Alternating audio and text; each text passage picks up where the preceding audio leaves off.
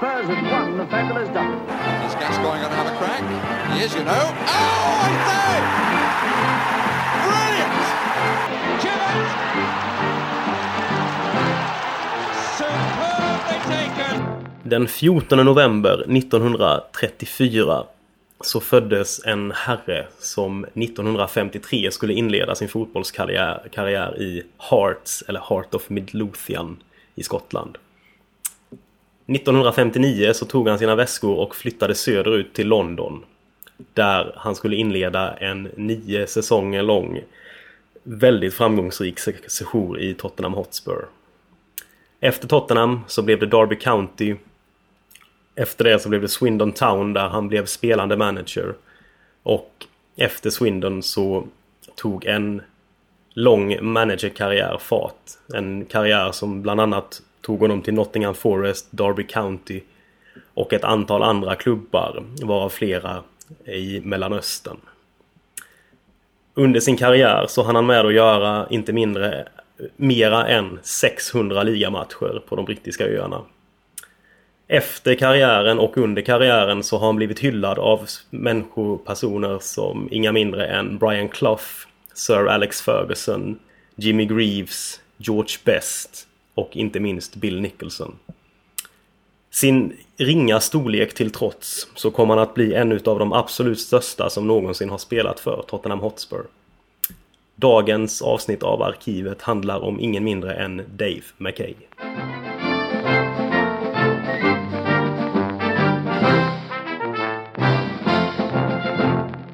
Som Folin sa så började Dave McKay sin eh, fotbollskarriär i eh, Hearts. Detta Hearts som ligger i Edinburgh, där även han är född. Uh, också lite en grej om Dave McKay, hans farsa jobbade som journalist eh, och jobbade för The Scotsman. En, eh, för mig, ny tidning. Jag vet inte om han finns kvar i... Det kanske finns han på nätet tror jag, The Scotsman. Det kanske han gör. Det är oklart. Det är väl något vi får, får spana upp. Det får vi göra. Eh, I alla fall, han spelade i, i Hearts som var också hans eh, boy, boyhood club så att säga. Hans favoritlag på den tiden innan han gjorde, gjorde omval efter nio år i Tottenham utgår jag ifrån. Men eh, i Hearts var ju ändå klubben han, han idealiserade som en liten knott i eh, den här skotska huvudstaden. Eh, han gjorde kom till Hearts, skrev på ett proffskontrakt 1952 och blev väldigt snabbt en eh, betydelsefull spelare för detta Hearts. En, eh, en karaktär på planen, en, en ledargestalt, en, en spelare som både ja, med fin, fina fötter och en härlig arbetsinsats. Han var även med och fick vinna en titel för Harts, alltså inte bara en ligatitel så att säga, en av många. Uh, han vann 57-58 vann han skotska titeln och det vet man ju här och nu att det är inte så vanligt att, han, att en klubb som Hearts vinner titlar. Han har även varit med och vunnit skot, skotska kuppen och skotska ligacupen. Skotska kuppen är väl motsvarigheten till, till FA-cupen. Det året Hearts vann ligan så har de ju fortfarande därifrån rekordet i antal gjorda mål. Man gjorde hela 132 mål under den säsongen. Det är en ganska fantastisk, siffra. Eller vad säger du Folin? Ja, det låter som väldigt hög siffra. Jag, jag, antar att de inte spelade i närheten av 100 matcher direkt utan det där väl varit en bortåt 40 eller något sånt där. Så det är väl snitt utan tre, ja. mm. lite drygt tre mål per match kanske eller något sånt. Ja men exakt. Eh, även på den här efter ligatiteln så kom han ju med till eh, VM i Sverige 1958, det McKay. Eh, det blev det en match. Den matchen spelade han på Eiravallen som det hette då i Örebro. Den numera som heter Bern Arena. Det var hans enda match, Eiravallen. Så det bara att gå till Bern Arena slash Eiravallen har fått en ny inbjudelse för mig nu efter det här. Ja, absolut. Det är ju nästan så att man vill åka och se en match i Örebro. Och det är inte något man säger varje dag direkt. Nej, och det har ju bara att göra med Dave McKay nu så att säga också. Ingen gillar Örebro i övrigt, men Dave McKay är större än många andra. Efter de här åren i Hearts. Och Hearts har vi ju en koppling till till Hearts och Hearts Tottenham. Så det känns ju logiskt. Glory, glory. Ja, just det. Det var de som drog igång den där uppe. Och sen så ja, precis. Plockade vi in den. Ja, och uh, vi plockar ju inte bara in Glory, glory utan vi plockar in även Dave McKay. Det kom, kom med paketet där kanske. Plockar man in Dave ja. så får man ju lite Glory. Jag tänker det här du, du snackar om med hans, den ligatiteln de vann eh, 58 där. Då var ju han kapten i laget och han kan ju inte varit mer än 23 år då. Det är ändå... Nej, Om, är- även om det är i skotska ligan liksom så att, att vara kapten vid 23 års ålder måste vara en... Det är en bedrift i sig. Väldigt, väldigt imponerande. Och eh, inte för att jag har kollat på speciellt många matcher från, eller har kunskap hur skotska ligan stod sig där och då, så har jag känslan att han är bättre än den- nutiden i alla fall. Han står sig bättre jämfört med andra ligor. Det var nog en jämnare nivå på ligan överlag så i Europa de tiden. Eh, Så nej, men det är imponerande. Det visar ju också på någonstans eh, det vi kommer komma till eh, senare i detta avsnitt om Dave McKay. Att eh, det är ju en ledare vi har att göra med också.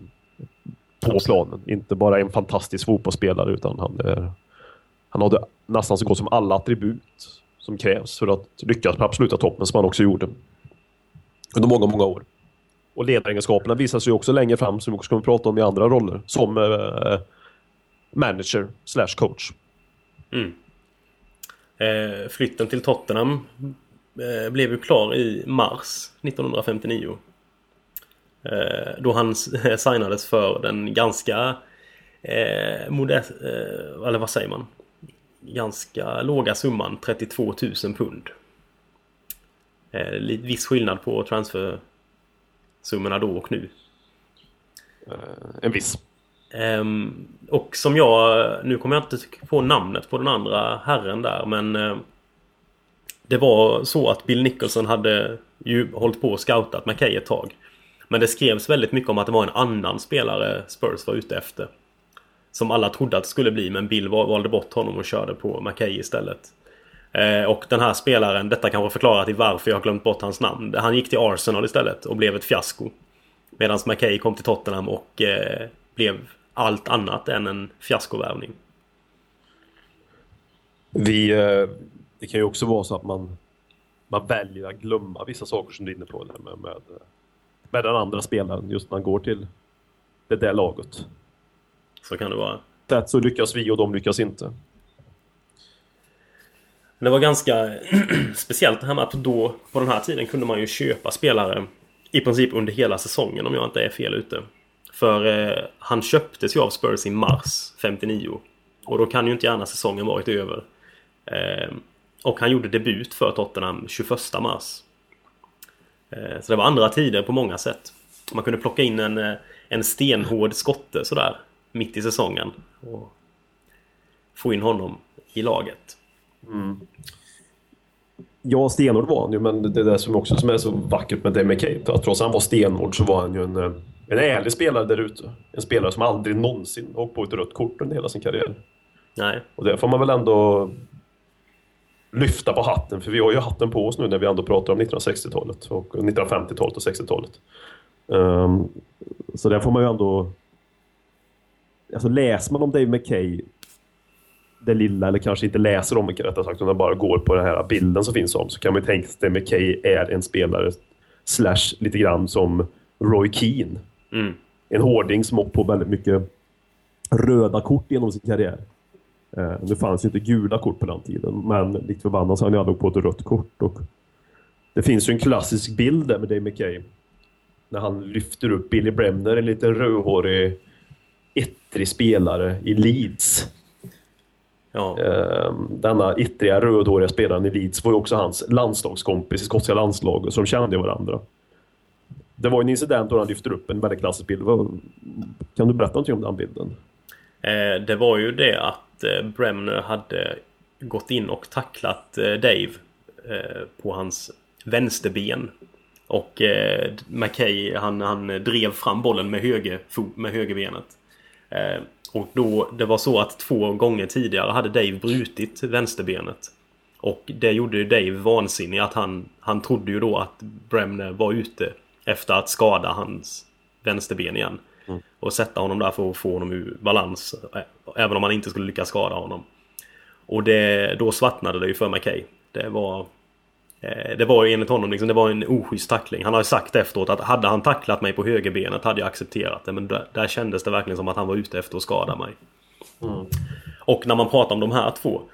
Där kan man ju verkligen vis, visa på, om man säger Bremner, där har du en ful jävel. Och i McKay har du en hård jävel. Det är skillnad på det. Eh, McKay stod upp för sitt lag liksom. Medan Bremner var mer ute efter att skada och förstöra för de andra. Mm. Ehm, men det, och den bilden har, men den har ju blivit en av de, alltså, det måste vara en av de kändaste bilderna i, ifrån brittisk fotboll nästan. Den är ju väldigt Ja, ja. klassisk. Eh, lite tråkigt då kan man ju tycka med att, för att, att den blev så stor med tanke på att Dave inte alls gillade bilden. Eh, utan han tyckte ju att den fick honom att framstå som en eh, en bully, sa han. En, en, en mobbare. För då han, han tycker ju att han, han var ju större än Bremner. Till... Eh, så fysiskt, han var längre än honom. Och han tyckte att det ser ut som att jag bara eh, ger mig på honom och, och mobbar honom eller vad man ska säga. Och det gillade han inte alls. Eh, så han gillade inte det, det fotot. Vet man inte historien kring, kring bilden så kanske det är lätt att tro att det här är Dave McKay som kör med Billy Bremner. Men det är väl mer en Dave McKay som läxar upp med Billy Bremner när han behöver så att säga. Mm. Och det, det, det, det, det du är inne på det är alldeles riktigt. Alltså. Det är skillnad på att vara en hård spelare och en ful spelare. Mm. Ibland kan ju fula spelare bli titulerade som hård spelare.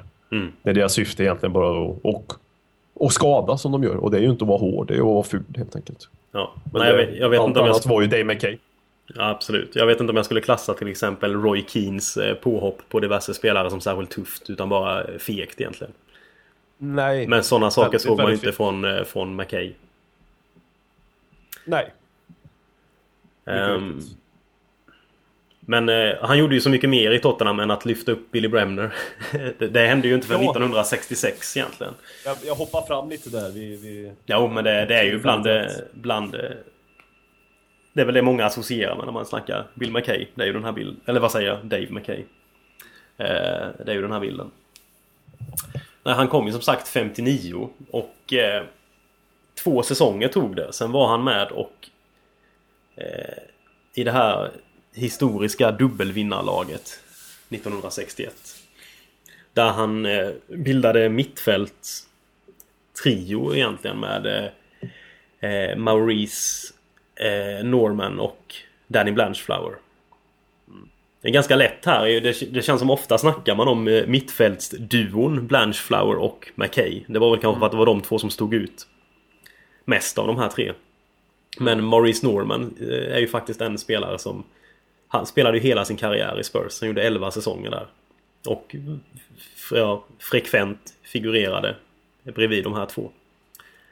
Men eh, just Blanchflower och eh, McKay var väl eh, själva hjärtat och motorn i det här eh, laget.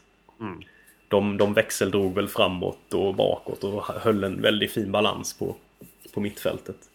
Eller som det hette då, de spelade ju halvor. Var det ju. Den fi, fin, fina benämningen på en, eh, det, någonting som vi saknar halvor. Ja, ja absolut. Ja, det, de spelade ju då med vår, vår gamla favorituppställning 2-3-5 här. Eh, Men det är, det är intressant du säger just det, med bara säga, nu handlar ju inte avsnitt om Maurice Norman, men det är, det det är säkerligen en spelare som som kanske en del hör för första gången kan du väl tänka mig. Och det kan man ju då, han, han spelade ju i princip varenda match den här säsongen Ja. han också. Och eh, han, han som sagt 11 säsonger i Spurs hela sin karriär där. Eh, Mm. Så han kan ju vara värd att titta upp också om man vill liksom läsa på lite om en kanske lite halvglömd hjälte. Eller vad man Mm, ska säga. Ja. Men det är, väl, det är väl också lätt att kanske tyvärr bli lite glömd med två sådana ikoner vid sidan om. Nu ska vi ju inte prata om Blanchflower här och nu, men, men Blanchflower och McKay, det är liksom... Det ja, det Ja, Det, det blir inte mycket större än så. bättre mittfält. Alltså vi kommer, kommer nog troligtvis aldrig ha det. Än de, de två herrarna där. Nej, det... Och det var ju då... Eh, Blanche Flower var ju kapten i klubben tills det... När han lämnade 1964 och då var det ju McKay som, som tog över. Ehm, och en sak, nu är vi ju inne lite på McKays spelstil och det är ju något som han också störde sig på en del var att han, han sågs alltid som den här hårda, tuffa spelaren. Han menade att jag, jag är och var så mycket mer än det. Ja, Vi har nämnt det här tidigare i något avsnitt. Eh, att han hade ju en grej när han, när han blev kapten i Spurs och när han gick in på planen. Då var det så att kaptenen på, i hemmalaget tror jag gick in och höll bollen. Eller sprang in med den. Och då gjorde han alltid det att när han kom in på planen Innan avspark så sparkade han upp bollen högt i luften och sen plockade han ner den på insidan av foten. Precis innan den landade på marken.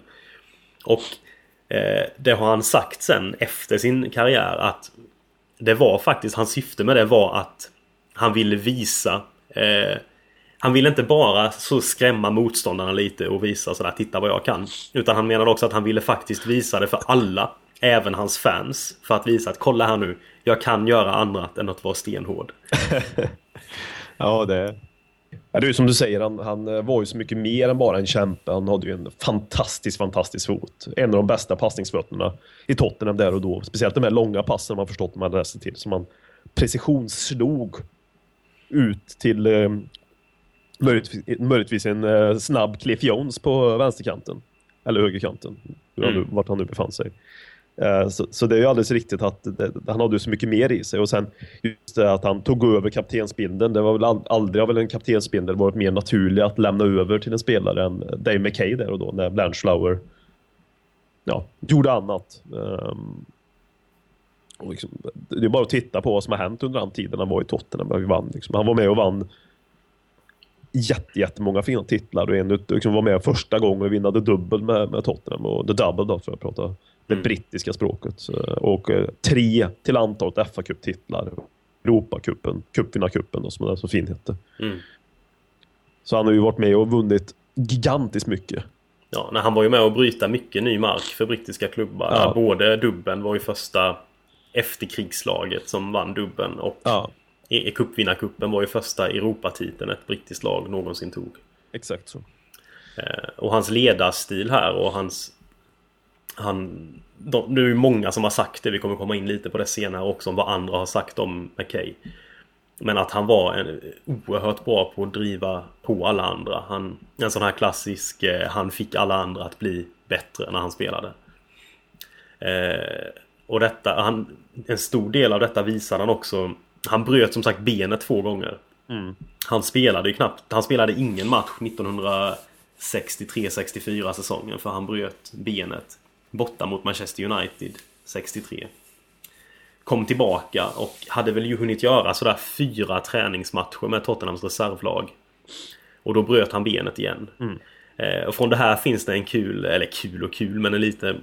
Ja, jo lite kul historia ändå att i ambulansen på väg bort från den här träningsmatchen då så berättar de i ambulansen för eh, Dave att du har brutit benet igen.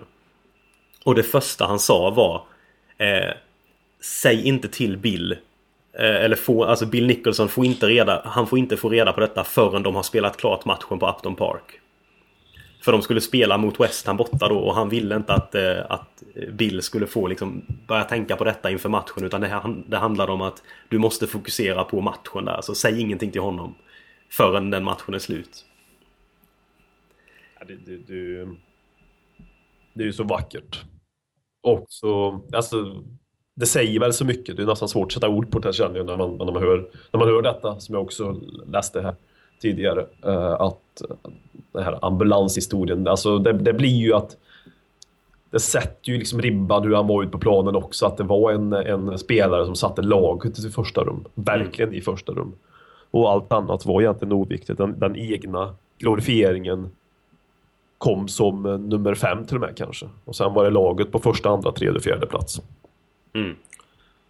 Så det, nej, det är mycket. Och det, liksom, det finns ju på tal om just uh, hans två benbrott som säger och ändå lyckas han komma tillbaka från de två benbrotten när de är på samma, samma ställe också. Det, det är ju fruktansvärt imponerande. Och det är ju, George Best har ju till exempel sagt att han är den tuffaste spelaren någonsin har mött. Och den modigaste. Mm. Så han hade ju en, en, en fighting. Och det kanske var så man växte upp i ett litet ruffigt Edinburgh på 30-talet. Det var ingen glamour. Nej, det var, man fick vara tuff kanske om man skulle ta sig, ta sig fram där. Eh, jag vet också Alan Murray, en gammal Spurs-spelare som sa det att då under tiden han var skadad eh, här då ehm, så, eh, så såg Murray på honom på en träning och tänkte så att ehm, Tänk vilken tur jag har som bara är, Alltså jag, jag vet att jag startar varenda match och sen ser jag Dave som är ute och kämpar liksom för sitt liv varenda dag för att kunna komma tillbaka och få spela fotboll. Fy fan vad bra jag har det. Är något han har sagt i en intervju då efter mm. karriären. Eh, så det fanns mycket, mycket attityd i den här McKay. Och en attityd som även då, som du, som du berättar om, som uh, satte positiva ringar på vattnet även när han var skadad. Att han var en person att se upp till och inspirera övriga i Tottenham där. Att, mm. Det här att han aldrig gav upp. Oavsett situation eller läge och aldrig gnällde heller för den delen. På något sätt. Nej. Och det är ju det med att på den här tiden, det brukar man alltid snacka om att tänk förr när fotbollen, alla var mycket hårdare, alla var mycket... Eh, de stod upp mycket mer. Även då så stod han ju ut med detta ja. McKay. Mm. Um, och det säger väl också en del. Jag tänkte sätta in en sån spelare i dagens fotboll. han hade nog stått ut en del. Ja. Man hade mått gott med det McKay här. Ja, absolut. Och sen är det ju lite kul också tycker jag att hans... Han var ju faktiskt inte en speciellt stor spelare. Han var ju så eh, runt 1,70 lite drygt. Så han var i princip Jermaine Defoe stor. I, liksom till höjden. Det sätter ju perspektiv på saker. Ja. Ja, verkligen. Det finns en ganska kul grej som Jimmy Greaves har berättat om. Att när de var ute på, på puben, han och, han och Dave. Så, eh, så brukade de eh, ha, ha vad med andra inne på puben. Sådär, om vem av dem som var längst. Och alla trodde ju att Dave var mycket större än vad han var. Så det var ganska vanligt att folk då trodde att det var Dave och sen satsade de öl och sånt mot varandra. Så han sa det Jimmy att vi brukade vinna mycket öl på att Dave inte var så lång. Vinnarkulturen fanns även på krogen. Ja precis, de tog med den dit med. Mm. Och det är också lite andra tider med det här att de var ute och hängde på pubbarna ihop och, och hade vad om öl med andra där. Det, det känns mm. inte riktigt modern fotboll heller. Vilket jag ju kan uppskatta faktiskt att de kändes mer som människor. Då, åka, alltså. åka, åka hem och spela något tv-spel. Det är väl det man gör nu för tiden kanske? Ja, det är väl, det är väl ungefär det man gör. Det fanns, en, det fanns nog en, en bättre kamratanda tror jag i lag förut. Det var väl inte bara man, man kanske drack öl men det, det, det umgicks mer. Mm. Även när man inte befann sig på träningsanläggningen så att säga. Ja. Eh, och även att jag tror de var mycket närmare det vanliga folket, liksom fansen och, och resten av befolkningen. Det var ju inte alls samma pengar heller. Det var ju inte så att du inte behövde göra någonting mer. Eh, alltså efter din karriär. Att, att, du var, att du var ekonomiskt oberoende. Utan det var ju... Fick man ju fortsätta försöka hitta något att göra därefter. Och framförallt levde man nog inte som skyddad, eller framförallt man gjorde ju inte det. De levde ju inte i en sån skyddad miljö som dagens fotbollsspelare gör. Och dagens fotbollsspelare i de större lagen lever i en skyddad miljö även om de är typ 10 år. Ja. Så uh, de, de blir uppväxta som en liten kub nu för tiden och nästan tappar ja, lite grann uh, vad som händer där ute på, på, ett annat sätt. De här är ju liksom födda på ett annat sätt och uppväxta och levde kvar i den riktiga världen. Även som 10-åring, 15-åring, 20-åring, 25 och så vidare och så vidare. Så det tror jag spelar in väldigt mycket. Att det skyddas lite för mycket nu för tiden tror jag med spelarna. Mm. För det egna bästa. Jo, så kan det nog, kan det nog vara. Um, om vi ska ta en snabb eh, bara uppsummering här på, du sa väl innan hans titlar när han vann. Mm. Det var ju dubbeln, ligan då, 61, cup, FA-cupen 61, 62 och 67. Och i cupvinnarcupen 63. 67 fick han ju då med. Det tycker jag känns ganska bra att han fick eh, leda Tottenham ut i en final. På Wembley. Det gjorde han ju då. Och vi besegrade Chelsea med 2-1. Och då var det ju just Dave som fick lyfta pokalen också. Ja, det känns ju väldigt, väldigt rätt att han uh, fick vara med om det också. Mm. Ja, sen blev det väl bara en säsong därefter till. Sen flyttade han ju till, till Derby County. Mm. Eh, tyvärr som han missade ju den här eh, cupvinnarcupfinalen.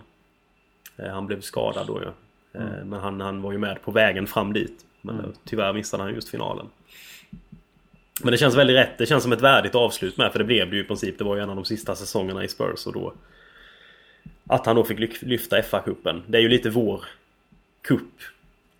Om, om vi kan säga så. Tycker jag. Liksom, jag tycker man har ju ett väldigt speciellt förhållande till, till det all historia nästan kring Spurs kretsar ju väldigt, väldigt mycket kring just FA-cupen. Så är det. Det är vår cup. Um, även om det var ett sak som vi vann vår cup så kommer det alltid vara vår cup ändå. Så, så. De som var där och la stommen till det bland annat är ju det här laget på 60-talet och Dave McKay i synnerhet.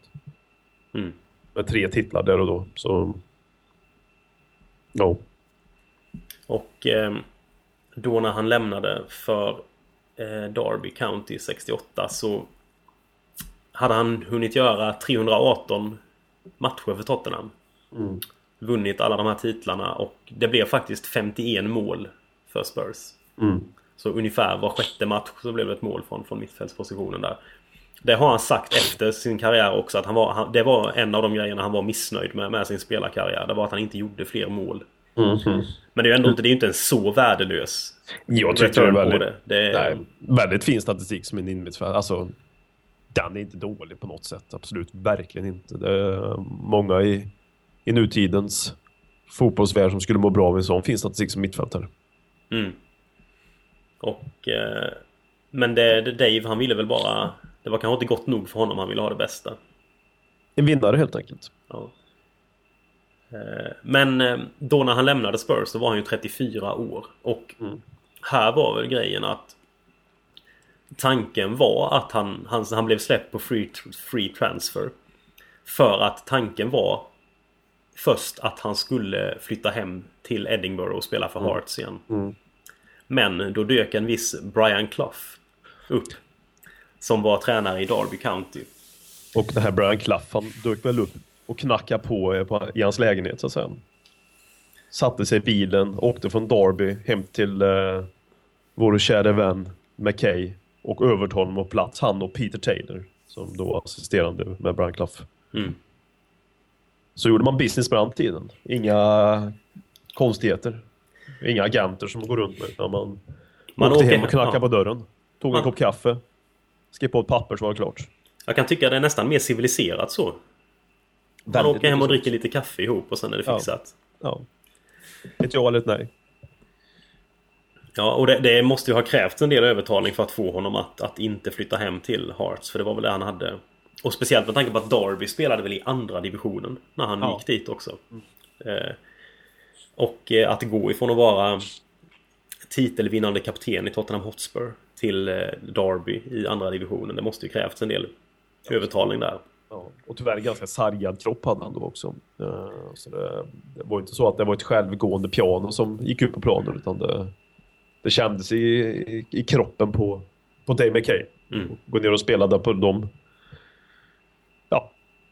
arenorna där och då. Det, det krävdes ju sin karaktär. Men det var ju just han har en karaktär som, som visar sig om vinnarskall och han, inte, han var inte så prestigefull utan eh, han såg väl en utmaning att gå och få spela där i andra divisionen, Klaff, och det visade sig ju längre fram att det var ett ganska bra val det också. Bra fingertoppskänsla. Mm. Ja, de, de blev ju uppflyttade första säsongen där. Eh, Derby till första divisionen. Och 1969 så blev Dave utsedd till eh, årets spelare i, i eh, första divisionen. Ja. Eh, som då 35-åring. Eh, 36 till och med måste han ju ha varit. För han har ju, han, han är ju med ett år där. ja, precis. Än mer imponerande. Än mer imponerande. Eh, och det sa ju McKay med att han, han kände ju det att han hade väldigt förtroende från Brian Clough. Eh, eh, och eh, att han i princip kände från första dagen han, han kom in där så, så sa eh, Brian i princip till de andra spelarna att eh, de, de hade tur, eller de, de, var lyck, de, skulle, de kunde skratta sig lyckliga åt att de fick spela ihop med mig. Och så sa han, han, han satte mig på en pedestal och där uppe fick jag sitta på tre år, i tre år. Mm. En annan ändring han gjorde med Dave när han kom till Derby var ju också att han flyttades ner från mittfältet till, eh, till att spela mer eh, sweeper, var, eh, libo libero säger man väl i nu. Eh, och där spelade han bland annat med den eh, Roy McCarfland. Som har sagt det efter karriären också att, eh, att Dave McKay kom till Derby. Det var det viktigaste som liksom har hänt min karriär i princip. Han, han lärde upp han lärde liksom honom allt. Och han sa det med att han lärde inte bara upp mig utan han lärde alla de eh, Alltså andra spelarna också, även de som var Ganska gamla och egentligen borde varit kanske klara med sin utveckling. De fick också lära sig mycket av att ha Dave där. Eh, och i Derby, ja där blev det tre, tre säsonger. Sedan så eh, flyttade han till Swindon Town. Där han blev eh, spelande tränare. I, i, i en säsong. Mm. Då går vi in på decennium nummer tre som fotbollsspelare för Dave McKay också. Ja, det, så är det ju 1971 det året här Mm. när han går till, Mm. till Swindon. Mm. Och då måste han ju vara 37 år, Mm. 38 år där när han spelar sin sista säsong. Han gör ändå 26-27 matcher i det, det året. Så han satt ju inte bara på bänken och coachade utan han ville vara med själv också. Och man får ju också liksom beundra det för att fotbollsspelarnas livslängd ökar ju med åren.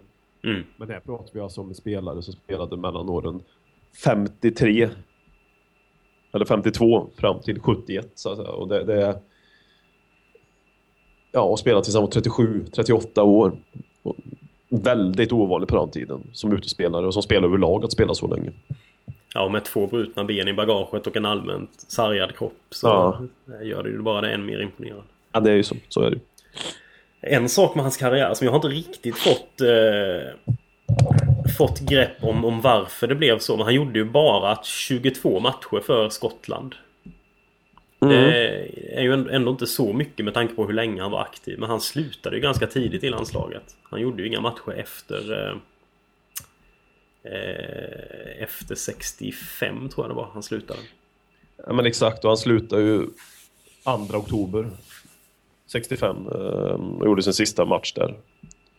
Eh, förlust. Kanske då mot en Danny Blandflower. Jag vet inte om han slutade i Nordirland, men det var i Nordirland de mötte där då. Eh, Ja, 65 hade nog Blanchflower slutat tror jag. Ja, han slutade gjort, ja. 64. Så det var nog tyvärr, det var nog tyvärr inte mot, mot sin gamla vän.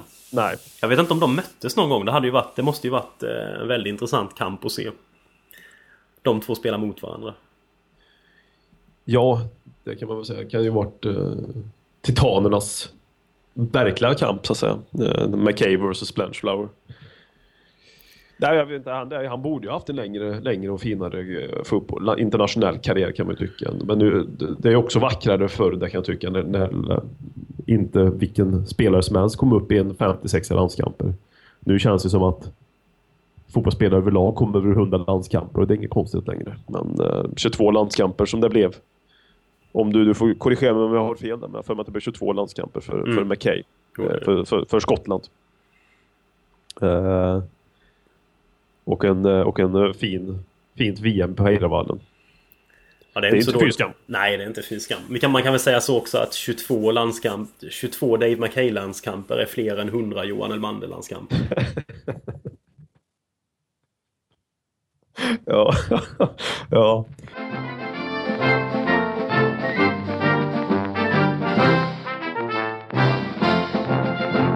Och ja, efter sin, sin säsong som spelande manager i eh, Swindon Town så lämnade han den klubben och nu lämnade han även helt eh, sin spelarkarriär.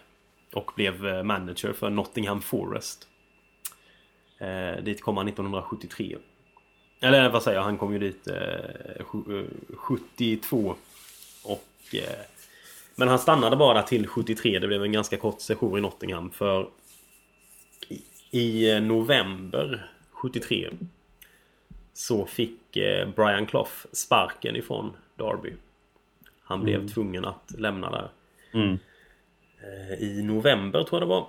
Och då bestämdes det att det var Dave McKay som skulle komma tillbaka till Derby och bli manager där. Det var ju en ganska tuff uppgift att komma in där för Dave. För Derby hade ju vunnit titeln eh, bara för någon säsong, någon säsong tidigare, där 1972. Och eh, det var ju inte bara så att det var fansen som, som ville ha kvar Clough. Utan även spelarna ville ju att han skulle ha stannat i klubben. Eh, och det fanns ju då en Bring Back Clough-kampanj. Som eh, inte bara supportrarna deltog i utan, även spelarna som menade att de kommer vägra träna under Dave McKay. Eh, så det var ju inte direkt laget till trots. Det var ju ett väldigt bra lag han kom in och skulle träna men när hela laget i princip vägrar träna för honom och inte vill ha honom där utan vill ha kvar sin gamla manager. Det kan ju inte vara helt enkelt att komma in i en sån situation. Nej, det långt ifrån optimalt och det här var ju också även, det var väl ingenting mot Dave McKay det här handlade om, utan det var ju mer en missnöje att, att Nigel Clough fick eh, Brian Clough, förlåt. Mm. Brian Clough fick lämna klubben. För han hade ju, en, eh, som, som vi pratade om tidigare, en, en fin historik även med Derby som, som spelare. Så att han, han kom ju till vänner igen på det sättet. Och det kanske, kanske var det som var räddningen i långa loppet, att det var just Dave McKay och att han, det var lättare kanske att acceptera honom under tidens gång. Mm. Ja, initiellt tyckte ju spelarna det var ganska konstigt att en av våra gamla lagkompisar skulle komma in istället för tränaren vi hade här tillsammans. Mm. Men han, eh, han lyckades ju på något sätt reda ut det här med Kay. Eh, initiellt så gick det ju väldigt dåligt. De förlorade någon sådär åtta matcher i rad eller någonting. De, de lyckades inte vinna han, de, hans åtta första matcher.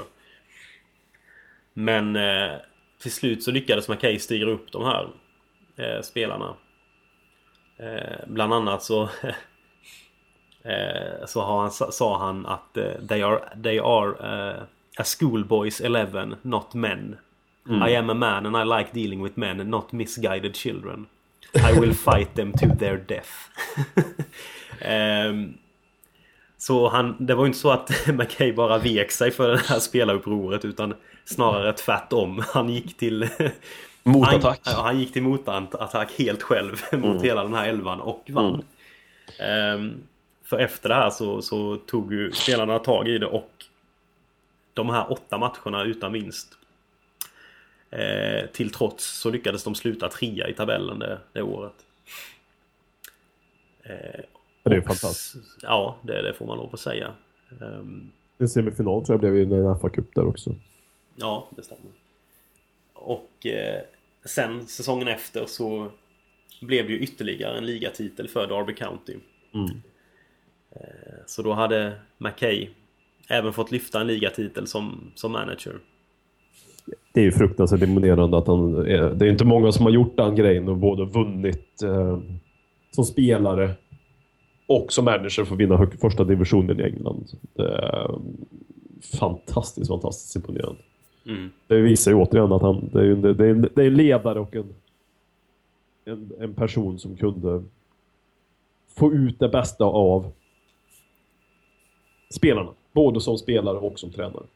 Även om de nu hade ett fint lag. Derby på den tiden var ju topplag. Det är, liksom, det är viktigt att påpeka. Även om vi har lite yngre lyssnare som undrar vad Derby Mm. Jag tänker på ett eh, lag i andra divisionen här och nu. Men där och då så var det ju ett väldigt fint lag. Ja, Brian Clough hade ju byggt upp en väldigt, väldigt bra lag där. Och, men eh, han, han ville ju ändå, eller han ändrade ju ändå på en del med Kay för han kände väl det att jag kan inte fortsätta att vara Brian Clough eller jag kan inte bli honom. Det kommer inte funka för jag är inte han. Utan hans ledarstil var ju lite annorlunda och även hans stil av fotboll. Han ville ju spela väldigt, väldigt offensivt. Mm. Medan Clough kanske var lite mer taktiker, lite mer eh, anpassade sig efter motståndet till en viss del. Ja, ja, det var lite mer omställning med Brian Clough, vad jag förstått när jag läste mig till. Han, som du sa, spelade lite mer på motståndarnas svagheter och men som du McKay stod för allt annat en, en frejdig offensiv. Men det är ju liksom, det är bara för att sätta perspektiv i det här med att folk kan förstå. Man kan, alltså man, man, när man liksom får komma in i en, en, en stor, to, stor tränares fotspår som, som Klaff var för Derby. Sen kan det ju vara jäkligt svårt för den första efterträdaren att misslyckas. Eller vanligt för den första, men inte ens det. Liksom han, även om de här första matcherna gick som de gick, men det hade ju sina förklarliga anledningar. Eh, så, så lyckas han liksom efterträda klaff med, med en enorm eh, flagga i topp så att säga. Och, och då ta sig igenom den här jävla stormen som var i Derby också. Ja. Det, det säger ju en hel del om honom. Ja, visst gör det det. Verkligen, verkligen så. Eh, det, ju, det finns ju andra liksom, bara för att pratade om tidigare att en historien om Billy Bremner, det finns ju en annan med, med Sir Alex Ferguson som, som gick ut eh, här för några veckor sedan och pratade väldigt gott om Dave McKay. Mm. Och, eh, en, av de väldigt, en av de finaste spelare han har sett. Som man sa, skotsk landslags, landsmän som de är, eller var rättare sagt. Och uh, han, hade, han sa bland annat att uh, jag fick bara möta Dave McKay en gång som fotbollsspelare och tur var väl det. Mm. Sagt. ja, de möttes väl i någon, någon ungdomsmatch eller någonting i Skottland? Ja, var det inte ja, så? precis. Ja, och uh, han lyfte ju fram Dave McKay som en av de absolut finaste fotbollsspelarna i skotsk fotbollshistoria, så som man sa. Mm. Ja, vi, vi kommer komma ännu mer till, till vad andra har sagt om honom ja. tidigare. Men just när du är ändå inne på det så har han ju sagt, eh, Ferguson, att eh, när han ska välja så den bästa skotska eh, elvan genom tiderna så säger han att då behöver jag alltid fundera väldigt mycket. Men en sak är alltid säker. Det är att jag startar med McKay som kapten. Ja. Och de orden kommer alltså från Sir Alex Ferguson. Det, det är jävligt tunga ord faktiskt. Ja, och det säger återigen just det vi, det vi återkommer mycket till. Om människan och led- ledaregenskaperna. Även liksom Sir Alex Ferguson sätter han som kapten. Direkt. Mm. Och han har ju upplevt den. All the way så att säga. Ja, ja, det är en sak som är väldigt speciell med Dave också när man, när man studerar honom och hans karriär. Det är att det är väldigt många som inte spelade med honom eller som inte var manager åt honom som hyllar honom också. Det är inte bara så att det är en liten Tottenham-bubbla där alla sitter och lyfter upp honom till skyarna utan det är Nej. faktiskt väldigt många andra också. Exakt så. Exakt så. Och bara för en grej om det här med när han tog över från Brian Clough och att det inte bara är att gå in i ett sånt eh, starkt lag och i ett sånt omklädningsrum att, och få det att funka. För det var ju vissa som menade det. Vissa menar att Dave är ganska bortglömd i Darbys historia för det han gjorde 74-75. Eh, för många säger att bara, ah, det var bara Brian Cloughs lag. Han, han tog bara över det och sen så det, det var ett självspelande piano. Men då kan man ju titta på Brian Clough som när han lämnade Derby gick till Leeds United. Också ett ganska bra lag vid den här tiden. Och det gick ju inte alls där. Han fick ju sparken därifrån efter, det var bara ett par månader. Var det väl? Ja, det väl någon film de har gjort om det också. Är det Ja. 40 Days in Leeds, någonting sånt där. Det är kanske inte så titeln, men ja. Det gick fort. Ja, och eh, så det är inte alltid så enkelt. Alla är inte en Dave McKay helt enkelt. Då hade han också en osympatisk Billy Bremner i laget på den tiden. Så. ja, det för, i och för sig. Det, det förklarar kanske varför det inte gick. Nej, men sen efter då han fick lämna en- Ja, lite drygt ett och ett halvt år efter titeln. Eh, Det var väl ett par säsonger där, bland annat en Europacup som de åkte ur ur lite tidigt. Och det fanns ju ganska höga förhoppningar i Derby där på att gå långt även i Europacuperna men det misslyckades de med och till slut lämnade McKay. Och därefter så blev ju tyvärr tränarkarriären kanske inte så, så, så väldigt spännande sen. Han gick till Walsall i ett år. Sen blev det ett gäng turer till olika klubbar i, i Mellanöstern. Men egentligen ganska utspritt. Det var en klubb då och då under tio, en tioårsperiod egentligen. Eh, Sen kom han hem till Storbritannien igen i ett par år. Var i Doncaster och Birmingham utan att egentligen... Och då i lägre divisioner. Utan att det egentligen hände speciellt mycket spännande där. Utan han blev där i en, två säsonger. Eh, sen blev det Egypten. Samalek heter de va? Laget. Exakt, och därför, han, han avrundar ju ändå som en vinnare kan man ändå tycka. För I den klubben så vann han ju titeln två år i rad. Mm. Samek, så han knöt ihop säcken på ett, på ett fint sätt, även om han fortsatte i ytterligare en vända i Qatar efter det. Men man ska inte underskatta den egyptiska ligan så att säga, Nej, absolut inte. på mitten på 90-talet. Och där blev det ju då fjärde ligatiteln han lyfte. Mm. Eh, får man ju... Blir det ju. Det var ju skotska eh, en gång. Och sen eh, har han lyft den för Tottenham och Derby. Ja. Och sen även Samalek, denna storklubb. Är det nu eh, vårt egyptiska lag kanske? Ja, för jag tror till och med att det är så att det är Midos lag. Ja, det är det det. Ja, där Så, ser eh, cirkeln vi- vi- sluts. Exakt så. så på alla sätt är det ju vårt lag. Det var Ja. vårt lag även innan så att säga. Ja. Ja, det är ju... Frågan om det kommer ett, ett arkivet avsnitt om Mido någon gång. Ja, det var en, en liten favorit för mig måste jag säga faktiskt. jag gillar starkt honom. Men eh, sen gjorde han en liten vända till Qatar och var lite, lite vi sa väl lite skämtsamt, eh, var han föregångaren även där? Så, Jo, det, det blir väl nästan det. Det har blivit lite mer poppis att dra till, till, eh, till Qatar och i i de regionerna och spela fotboll nu och tjäna pengar. ja. Frågan är väl hur mycket pengar Dave gjorde där nere. Det kanske inte var lika mycket som det, som det är nu. Dave hade väl... Det är svårt att säga att Dave hade någon form av um, egen manager. En, en agent så att säga med sig och skötte den här kontakten. Jag vill ju, du kanske har information om det? Eh, jag vill ju ändå tro att han satt och förhandlade detta själv över en kopp kaffe. Jo, ja, jag vill. Det var inga konstigheter, det var ett handslag och så var det klart.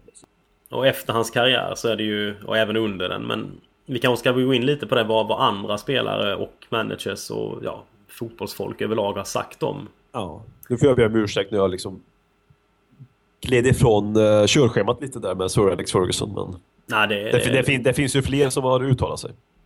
Det finns ett helt gäng här. Ja, Som sagt, Sir Alex har vi ju nämnt. Han har sa ju det om att eh, det är den första och den, den enda som jag verkligen vet att jag plockar ut i mitt sådär, skotska lag genom tiderna. Det är mm. McKay in med en gång. Mm. Ferguson skrev ju faktiskt också eh, förordet till McKays eh, biografi. Eh, när den skulle släppas. Mm. Och eh, han har också Eh, ja, och i här så berättade Ferguson om eh, den här matchen som du var inne på innan. Att när de möttes som, eh, som ungdomsspelare, eller som mm. Ferguson var en tonåring. Då så satte ju McKay ganska tidigt in en, en tackling på Ferguson i matchen. För att markera lite. Mm. Och då nästa gång de möttes då tänkte Ferguson att han skulle göra samma sak på McKay. Och då gjorde han ju det, han tryckte till McKay. Och då eh, ställde sig Mackay upp och tittade på honom och sa Do you wanna last this game? eh, och då... Eh, då, då, då eh, stammade Ferguson lite och sa att ja, men du, du gjorde ju samma på mig innan. Eh, eller You booted me, alltså satte skon i mig. Mm. Och då sa bara Mackay I tackled you. If I boot you, you would know. Det är en citatmaskin. ja, han är bra på att kasta ur sig dem, McKay. Så uh. Sir Alex Ferguson blev alltså uppläxad som liten eh, pojkspoling av Dave McKay. Jag tycker det finns något väldigt fint i det. Att, att de två var där och att Dave liksom satte honom på plats. Man har ju svårt idag att se folk sätta Sir Alex på plats liksom. Ja. Det är nog väldigt få som har gjort efter det. Det kanske var där också någon form av en person som var med och formade Ferguson. Att folk kanske behövs sättas på plats ibland. För han har ju själv satt en del på plats. Jo, absolut. Um, och sen har vi även Brian Clough har varit inne på. Både Bill Nicholson och Brian Clough har ju, nämnt, har ju utnämnt liksom McKay till deras bästa värvningar någonsin. Mm. Eh, också ganska gott betyg. Två ganska stora tränare. Som har värvat ganska många spelare genom åren. Men båda två var, är rungande överens om att det är Dave McKay som har varit deras bästa signing någonsin. Mm. Eh, vad har vi mer för några? Har du någon som har sagt något mer om Dave? Ben Nicholson sa ju även att med McKay i laget så spelar det ingen roll om man låg under med två, tre mål. Det laget skulle ju inte ge vika för det, men med Dave McKay på planen så fanns det alltid en chans att komma tillbaka för att han tillåt, inte sig själv och inte andra, att ge upp matchen. Även vid ett sånt dåligt läge så att säga. Och det är ju ledaregenskaperna i honom där igen som, som lyser igenom. Det är väl det. Vår, vår käre Harry Redknapp har också varit ute och hyllat eh, Ja, verkligen Dave McKay men också han, han liknade ju Scott Parker med Dave McKay under Parkers första säsong i Spurs. Mm. Um, han sa att där finns det potential till att bli en ny McKay. Det blev ju kanske tyvärr inte så med Parker för han blev ju inte här så länge i Spurs. Men... Tyvärr så. Det är en hedrande liknelse för Parker att få i alla fall. Ja, det måste man väl ändå säga. Eh, och Redknapp sa väl också där att McKay måste ju ses som en av de största spelarna i Tottenhams historia och det är väl de allra flesta överens om egentligen. Även Jimmy Greaves har ju sagt det. Och... Mm. Om vi ska gå in på Jimmy Greaves här, vår, vår legendariske anfallare. Eh, han spelade tillsammans med Dave och han sa det att uh, if Dave was ever missing from the Tottenham side every one of us had to work twice as hard to make up for it. Ja, samma. Jimmy Greaves säger ju också att det är den mest kompletta fotbollsspelaren någonsin har sett. Jimmy Greaves. Och, uh, ja, du hör ju. Det är, det är många som har hyllat honom. Inte bara efter, det tror, efter uh, han gick bort här för några veckor sedan, utan även även under hans karriär och aktiva karriär är många av de här citaten tagna från. Mm. Jo, de har ju sagts innan. Det är inte något Nej, som folk ingen... har börjat dikta upp i efterhand. Utan Nej, det har ju bara kommit ännu mer hyllningar efteråt också givetvis. Så funkar det ju, men mycket av det här vi säger som Jimmy Greaves till exempel, det är ju taget från i dåtid så att säga. Mm. Långt tillbaka i dåtid.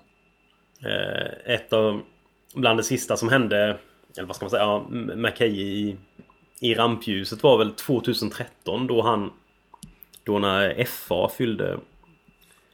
Eh, 105... Eller att, att eh, reglerna för fotboll firade 150 år då. Och då eh, tryckte Royal Mail i Storbritannien upp eh, 11 frimärken. För att eh, då hylla de 11 största fotbollshjältarna från England, Skottland, Nordirland och Wales. Ja. Och där var ju Dave Mackay eh, Den som representerade Skottland. Tillsammans med Dennis Law.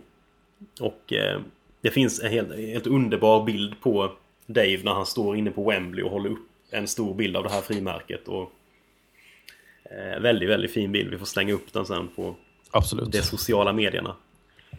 Det är ett frimärke man vill ha. Ja, absolut. Jag tänkte det. Det måste man se till att försöka, försöka få tag i på något sätt.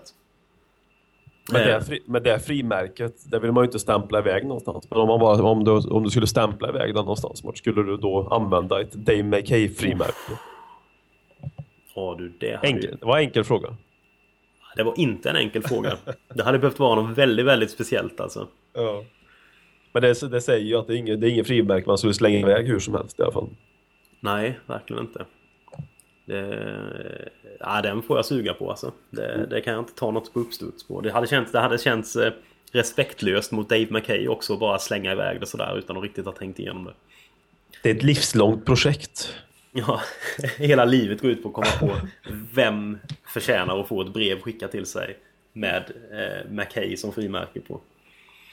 Men man kan väl bara få just bland de här 11 hjältarna då som de kallar dem för på som fick eh, frimärken här av Royal Mail. Han nämns ju då ibland andra som George, George Best, Bobby Charlton, Kevin Keegan, Bobby Moore, Brian Robson, så det är ju inga dussinlirare direkt han nämns ibland. Ja, men liksom, det sätter ju också perspektiv på saker och det har ju inte med att vi i Tottenham glorifierar honom som vi också ska göra, utan det är andra som hyllar honom som den fantastiska fotbollsspelaren. Mm. Och ledaren och människan. FA går in och gjort. Ja, och de... Eh, FA gör ju inte för mycket bra liksom. Det får man ju Nej. lov att säga. Men, Nej. men här kanske de lyckades med någonting ändå. Det får man väl ändå ge dem. Var, var 150 år lyckas de med någonting. De som började sätta reglerna för 150 år sedan. Nu var det Dave McKay. Får vi se vad som händer om 150 år igen när de Mm. lyckas med något vettigt. Ja, precis. Och vi har väl nämnt det lite och det har väl inte egentligen undgått någon Knappt kan jag inte tänka mig som håller på Tottenham att Dave gick bort här nu för några veckor sedan. Eh, när det här avsnittet spelas in då, för var det några veckor sedan han gick bort. Ja, precis. Och han blev ju bara 80 år, eh, Dave. Eller bara och bara, det är väl eh, ganska eh, solid ålder ändå. Han var väl tydligen drabbad tyvärr av både Alzheimers och Parkinson i slutet av, av sitt liv. Så det var väl en, en fight som inte ens Dave lyckades ta längre. Nej. Jag vet, jag, lä jag läste, jag tror det var Om det var Mickey Hazard Som skrev det på, på Twitter när När han fick reda på att Dave McCabe hade gått bort Då skrev han att eh, En sak vet jag nu i alla fall och det är att Tottenhams lag i himlen blev precis mycket, mycket bättre Jag tyckte jag var en väldigt fin grej att skriva Ja, det var väldigt, Det var- väldigt fint. Säg en del om Mickey Hazard också Också Ja. en fin människa Väldigt fin människa. Väldigt på alla sätt. Ja, men eh, ska vi säga låta Mickis fina ord där få avrunda det här avsnittet av Arkivet? Och gratulera Tottenham uppe i himlen. Ja, det gör vi. Och tacka Dave McKay för eh, förgyllt många Tottenhams supportrars ja, säga, liv där och då och andra människor runt omkring. Ja, tack för allt Dave. Tack för allt. Spurs have won the fabulous double. Is Gascoigne going to have a crack? He is, you know. Oh, I say!